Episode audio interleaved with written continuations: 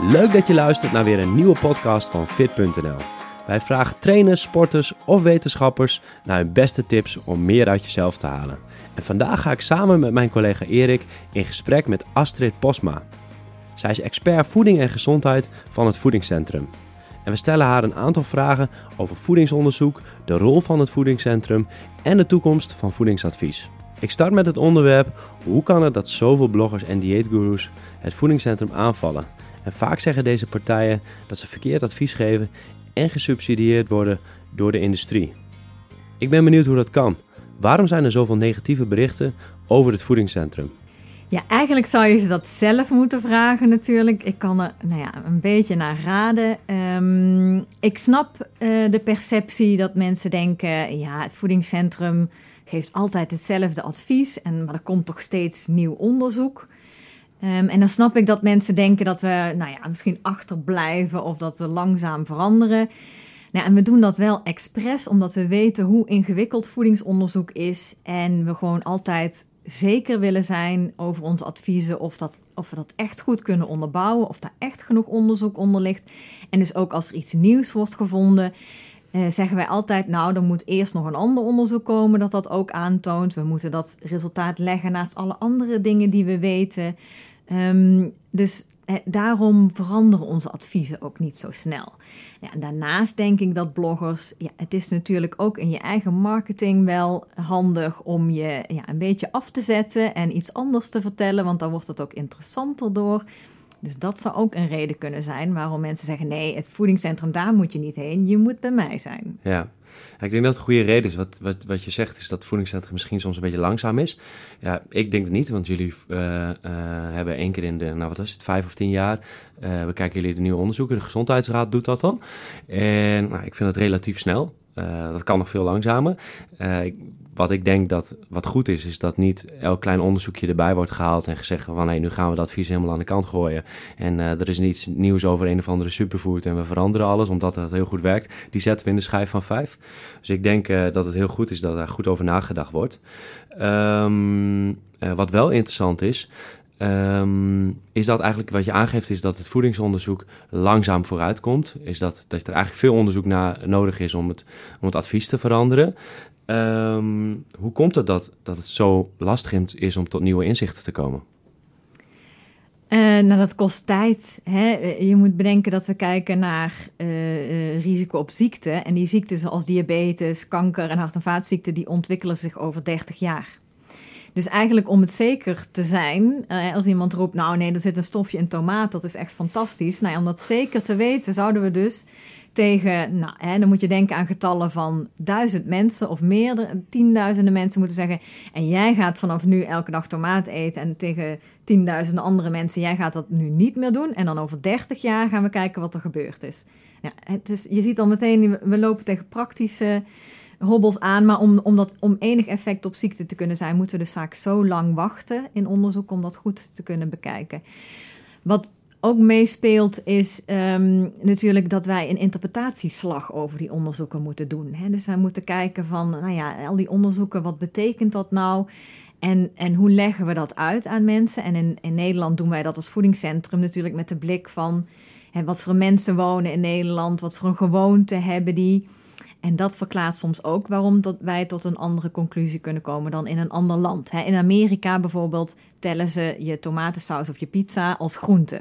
Nou, en wij in Nederland kiezen daar niet voor. Maar dat is ook weer een soort van interpretatieslag over dat onderzoek. Ja, en misschien dat, ook wel een lobbyslag. Nou, nee, ik denk dat natuurlijk zijn er bedrijven die proberen invloed uit te oefenen. Ze proberen dat bij onderzoekers, ze proberen dat ook hè, via Mhm. de consument. Um, maar ja, bij instanties zoals een voedingscentrum zitten natuurlijk mensen die eigenlijk het geweten moeten vormen over die. Ja, Ja. En daar de, de afweging in maken. En als de situatie zo slecht is als in Amerika, eh, kan ik me voorstellen dat je, nou ja, omdat het echt belabberd is qua voedingsomgeving, ja, dat je op iets anders uitkomt dan in Nederland of in een ander Scandinavisch land, hè, waar gezonde voeding gewoon veel hoger Ja. op de agenda staat, dat je dan voor iets anders kiest. Ja. Wat ik wel belangrijk uh, vind is om uh, misschien nog even aan te stippen, is dat uh, het voedingscentrum komt volgens mij, misschien zeg ik het verkeerd, maar niet zelf tot de adviezen, maar uh, die baseren het advies op de gezondheidsraad. Wat ik vaak bij bloggers zie, nou die zitten dan in een eentje op een zolderkamer uh, een, een, website te typen of een boek in elkaar te, te knallen. Nou, dat is super, maar die kunnen dus niet uh, op tegen de jarenlange, na 20, 30 jaar van een hoogleraar, professor, waar we echt een team van professionals aan hebben gewerkt om die adviezen van de gezondheidsraad samen te stellen. Dus vaak mensen denken van hey, het advies komt vanuit het voedingscentrum, maar nee, het komt echt van allemaal hoge pieven die echt goed onderzoek hebben gedaan. Uh, zou je misschien daar nog wat meer over kunnen vertellen hoe dat advies tot stand komt, zodat we wat meer idee hebben hoe complex het eigenlijk in elkaar zit? Ja.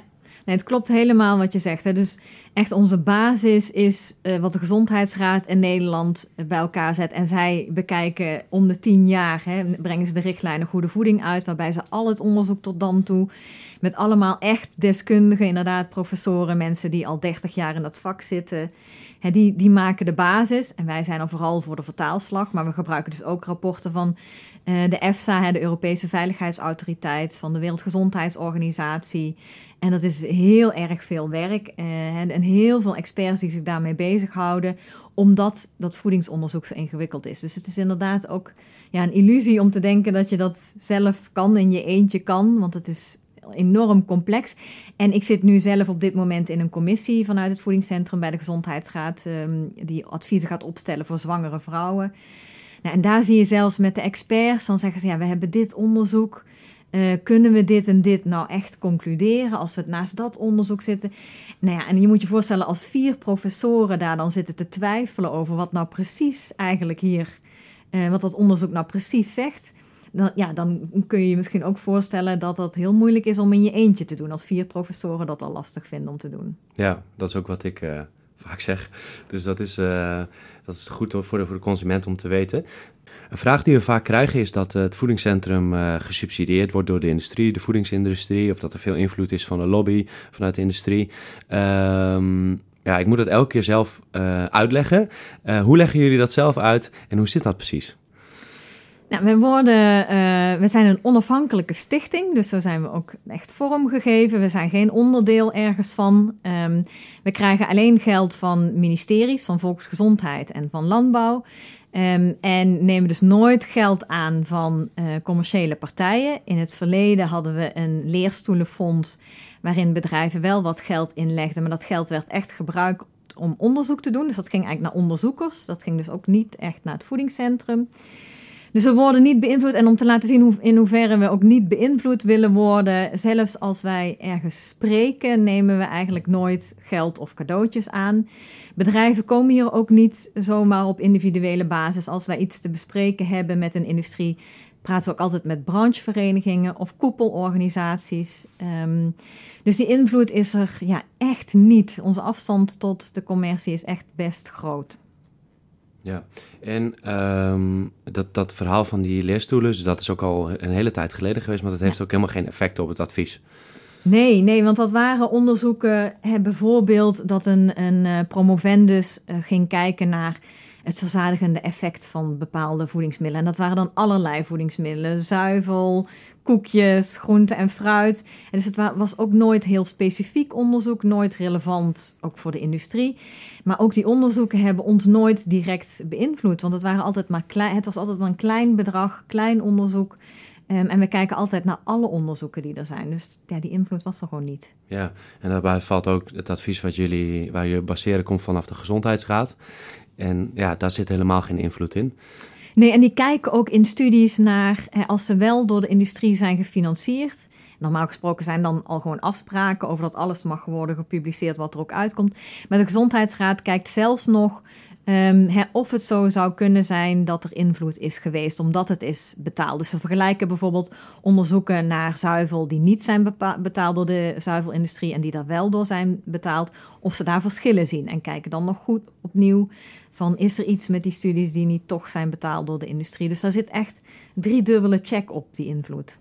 Nou, het is fijn om te weten dat we die informatie gewoon goed kunnen vertrouwen. Ik had eigenlijk nog één vraag uh, die hierop aansluit. Van, uh, hebben jullie dan ook bepaalde richtlijnen van wanneer dan je denkt van oké, okay, nu is het moment van dat we, dat we aanpassingen maken? Zijn... Je, daar- Nou, je daar dat- iets over vertellen? Ja, dat ligt een beetje aan op welk niveau dat is. Eh, we hebben de schijf van 5 in 2016 eh, aangepast. Ehm, nou, dat was na ongeveer na bijna 10 jaar nadat we de vorige aanpassing hadden gedaan. Dat past denk ik ook goed bij voedingsonderzoek. Het duurt gewoon jaren voordat onderzoeken ook zijn herhaald. Ehm, en nou, de tijd verandert, de technologie verandert, eh, de beeldbeleving van mensen verandert. Nou ja, dat, daar gaan een aantal jaren overheen. Dus dit is wel een soort natuurlijke cyclus voor ons. Die tien jaar om echt een grote slag te maken. Maar ondertussen houden we natuurlijk wel alles bij. En bijvoorbeeld een mooi voorbeeld, dat is misschien niet zo relevant voor sporters, maar is dat eh, voor baby's het onderzoek nu duidelijker wordt dat als je ze in hun eerste levensjaar wel pindakaas bijvoorbeeld te eten geeft of ei te eten geeft, het risico om daar allergisch voor te worden juist kleiner is. hè. Er werd voorheen gedacht dat je dat moet uitstellen, omdat dat immuunsysteem zich moet ontwikkelen. Nu zien we ehm, dat het juist lijkt dat als ze eerder dat te eten krijgen, die pinda's en die ei, juist minder vaak allergie daarvoor ontwikkelen. Nou, en dan zie je bijvoorbeeld in Nederland dat er artsen voorlopen en die stellen een advies op en die komen naar ons toe. Die zeggen, ja, voedingscentrum, we vinden het heel belangrijk dat dit wordt uitgedragen. Wij kijken daar ook goed naar en zien daar eigenlijk geen nadelen van. En zo'n advies gaan wij dan eigenlijk overnemen voordat de hele wereld daar nog nou ja, hè, iets van heeft gevonden. Omdat we, overtuigd zijn van het soort onderzoek. Het is ook echt met onderzoek gedaan met een groepje wel en een groepje niet. En we zien snel een resultaat, meerdere onderzoeken.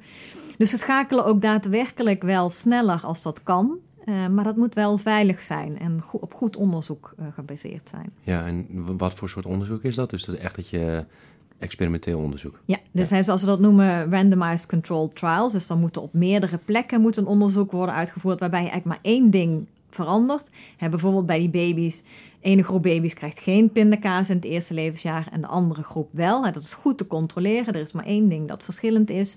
En dan kijk je naar de uitkomsten. Eh, En dat is vaak hard bewijs, want je weet dat er niet zoveel andere dingen verschillend zijn geweest eh, dan dat ene ding wat jij dus tijdelijk mensen hebt opgelegd om wel of niet te doen. Over het algemeen kijken we in relatie tot gezondheid natuurlijk vaker naar meta-analyses van cohorten, omdat dat makkelijker is. In een cohort worden mensen gewoon vanaf een bepaald moment gevolgd en wordt ze elk jaar of elke twee jaar gevraagd, nou wat eet je nou al zoal? Ehm, en wordt erbij gehouden of die mensen ziek worden of eh, overlijden en waar ze dan aan zijn overleden. Dat is een mooi voorbeeld. En ja, Jeroen die zei net al, van, eh, je gaf aan, die richtlijnen zijn ook gebaseerd op de gewoontes van mensen. Maar stel je, je denkt van, ja, ik wil zo gezond mogelijk eten. Kan je dan nog, uh, jij is bijvoorbeeld een schijf van 5 plus. Nou, ik denk dat er niet echt veel ruimte meer zit. Um, we maken inderdaad hè, een, interpretatieslag uh, voor Nederland. We, kijken, we, eten in Nederland nou eenmaal vaker brood. Hè. We, we, zijn gewend twee broodmaaltijden, één warme maaltijd. Dus daar gaan we een beetje in die vertaalslag van uit.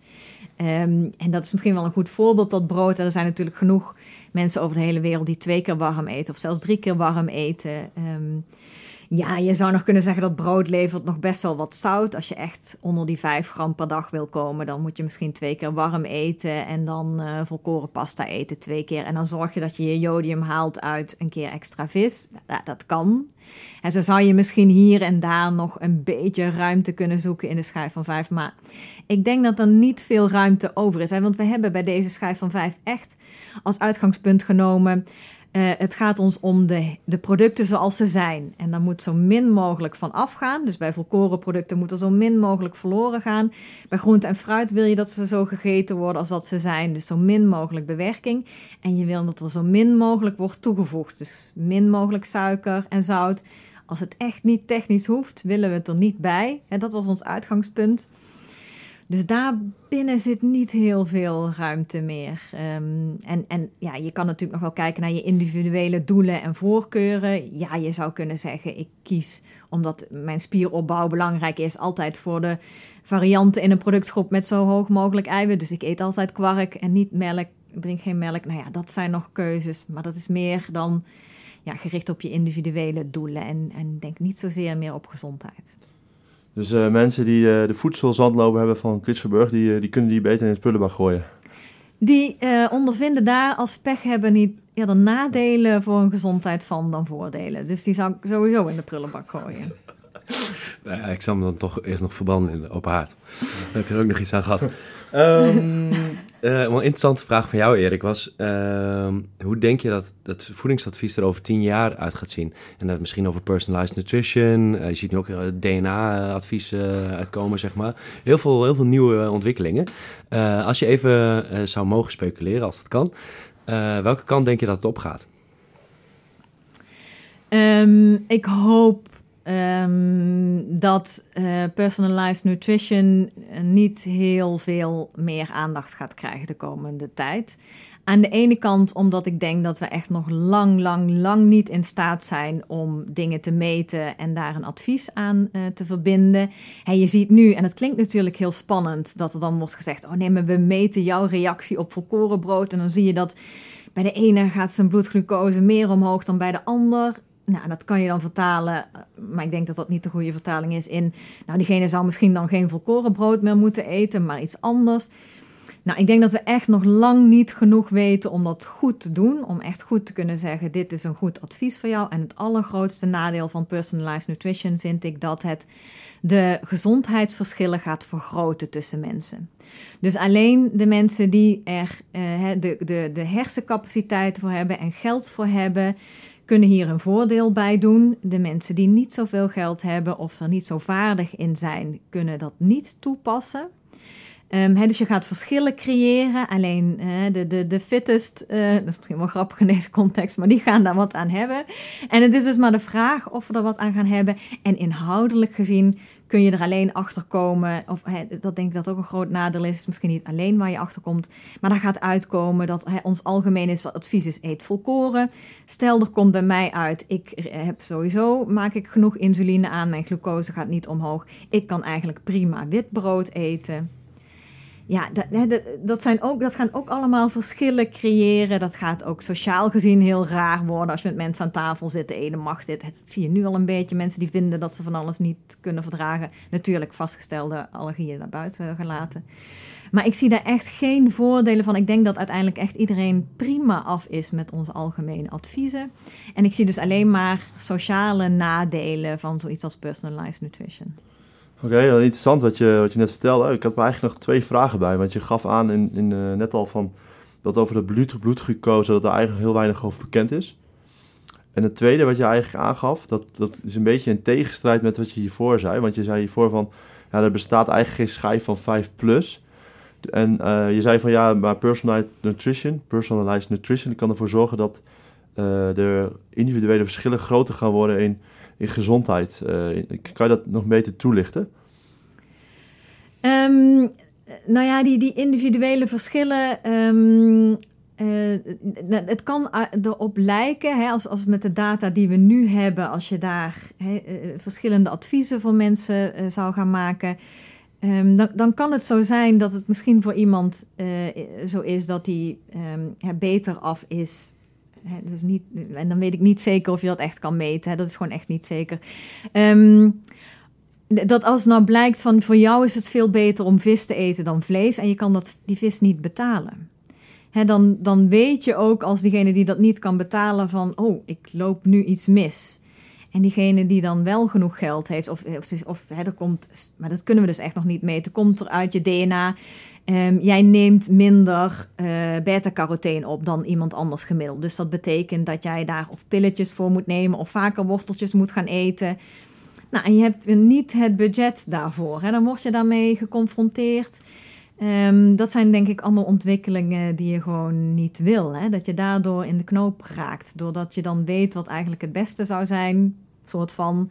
Uh, en dat dan niet haalbaar voor je is. Ik denk dat dat uh, economisch gezien en, en sociaal gezien ja, heel onwenselijk gaat worden. Want ga je dan ook zeggen tegen diegene van... ja, maar je wist uit je DNA dat je meer beta-carotene moest eten... nou heb je een tekort. Nee, het is je eigen schuld. Hè? Dat, dat kan een gevolg daarvan zijn. Dat het dan nog meer de eigen schuld gaat lijken van mensen. Meer dan dat we nu al doen. Hè? We zeggen nu ook van... Uh, oh ja, je bent te dik. En dat is nog steeds iets dat lijkt het gevolg van iemand die niet genoeg discipline heeft. Terwijl we weten, nee, het is eigenlijk heel raar dat je in onze omgeving dat het je lukt om slank te blijven als je kijkt naar je biologie.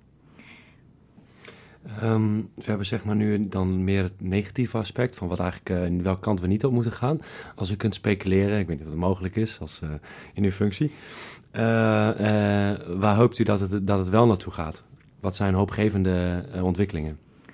Um, nou, maar ik, als ik een hele groot zak geld kreeg uh, en ik het zou mogen uitmaken, en, maar wat ik ook zie op basis van wat wij nu al doen als voedingscentrum, heb ik goede hoop dat wij um, meer gaan doen aan het leren van uh, kennis en voedselvaardigheden bij kinderen.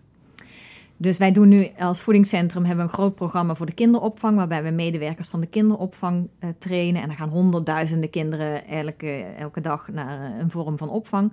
En we trainen die uh, medewerkers ook op gezonde voeding, maar allerlei gezonde aspecten in het leven. Waardoor zij die kinderen opvoeden met gezonde gewoontes, groente eten, fruit eten. Hoe maak je het klaar? En ik denk dat we daarin moeten investeren. Dat alle kinderen, ongeacht wat uh, er thuis gebeurt en wat voor vaardigheden en mogelijkheden die ouders hebben, alle kinderen op school gaan leren, al vanaf de kinderopvang. Wat is nou gezond? Hoe maak ik dat klaar? Hoe koop ik dat? Hoe ga ik daar veilig mee om? Um, misschien zelfs ook wel een schoollunch die heel gezond is zodat kinderen in ieder geval in die eerste 18 jaar of 16 jaar dat ze op scholen rondlopen, daar die gezonde basis meekrijgen. Um, ja, dat zie ik als toekomst waar we in zouden moeten investeren. Oké, okay, investeren in de jeugd. Zeker. Oké, en, en als we hebben naar onze uh, nou, de, de, de volwassenen, ziet u daar ook nog kansen? Dat zegt van als ik die zak geld daar ook nog uh, een beetje kan uitsmeren. Wat zou je dan veranderen? De hele omgeving? Ja, ik denk dat, het, dat we het zelf, onszelf het makkelijkst maken als we echt de omgeving gaan veranderen. Dat gaat tijd kosten. Dat gaat nog veel meer tijd kosten dan met roken is gebeurd. Dat heeft ook tientallen jaren eigenlijk gekost om dat zo'n beetje uit onze omgeving te faseren. Bij voeding gaat dat nog veel lastiger worden, maar dat zou wel het meest effectieve zijn. Als je gewoon niet meer zo vaak wordt geconfronteerd met zoveel ongezonde voeding die wel heel aantrekkelijk wordt aangeboden, wordt het voor iedereen veel makkelijker om gezonder te leven. Oké, en dat is ook uh, in het voedingscentrum, in de kantine. Wordt ook, hebben jullie ook alleen maar gezonde producten? Ja, wij hebben zeker een schijf van vijf lunch. We hebben fruit elke dag. Ja. Um, dus nee, we doen daar natuurlijk zelf uh, aan mee. Tractaties zijn klein. Nee, hier is het ja, echt gezond hoor. Helemaal goed. Ja. nou, mooi. Uh, het is goed als je je eigen advies opvolgt. Um, dan heb ik de laatste vraag, die stellen we eigenlijk aan elke gast van de podcast. Um, als u mensen één tip zou mogen geven voor hun leefstijl om gezonder te leven, meer uit zichzelf te halen. Nou, natuurlijk de tip die u zou geven, denk ik, is gaan naar het voedingscentrum.nl. Maar goed, als u een andere tip zou moeten verzinnen, welke zou dat zijn?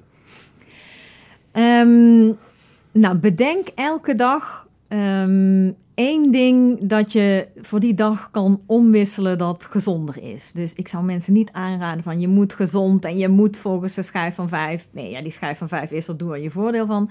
Maar ik, ik, denk dat een goede tip is, kijk nou elke dag naar iets wat je eet en bedenk of je dat uh, gezonder kan. We hebben daar een campagne op, die heet Eetwissels, waarin we die inspiratie ook geven. Hè? Dus als je uh, een, een frisdrank drinkt, bedenk eens, kan ik vandaag gewoon eens een keer een glas water nemen. Want al die kleine stapjes, hoe klein ze ook lijken, een stuk fruit in plaats van een koekje, elke keer levert dat gewoon iets op voor je gezondheid. En ook kleine stapjes zijn goed en uh, prima om mee te beginnen. Mooi, mooie tip. Goede tip om mee af te sluiten. Ja, het begint allemaal bij kleine stapjes en uh, kleine stapjes kunnen tot grote resultaten leiden. Zeker. Sluiten we daar de podcast mee af. Bedankt voor alle waardevolle informatie. Graag gedaan. Leuk dat je hebt geluisterd naar deze podcast. Wil je meer informatie? Ga dan naar fit.nl/slash interview of naar voedingscentrum.nl. Verder zijn we heel benieuwd wat je van deze podcast vindt. Laat even een review achter op iTunes en deel deze podcast via social media. Tag fit.nl hierbij. Dit was hem. Geniet van je dag en tot bij de volgende aflevering.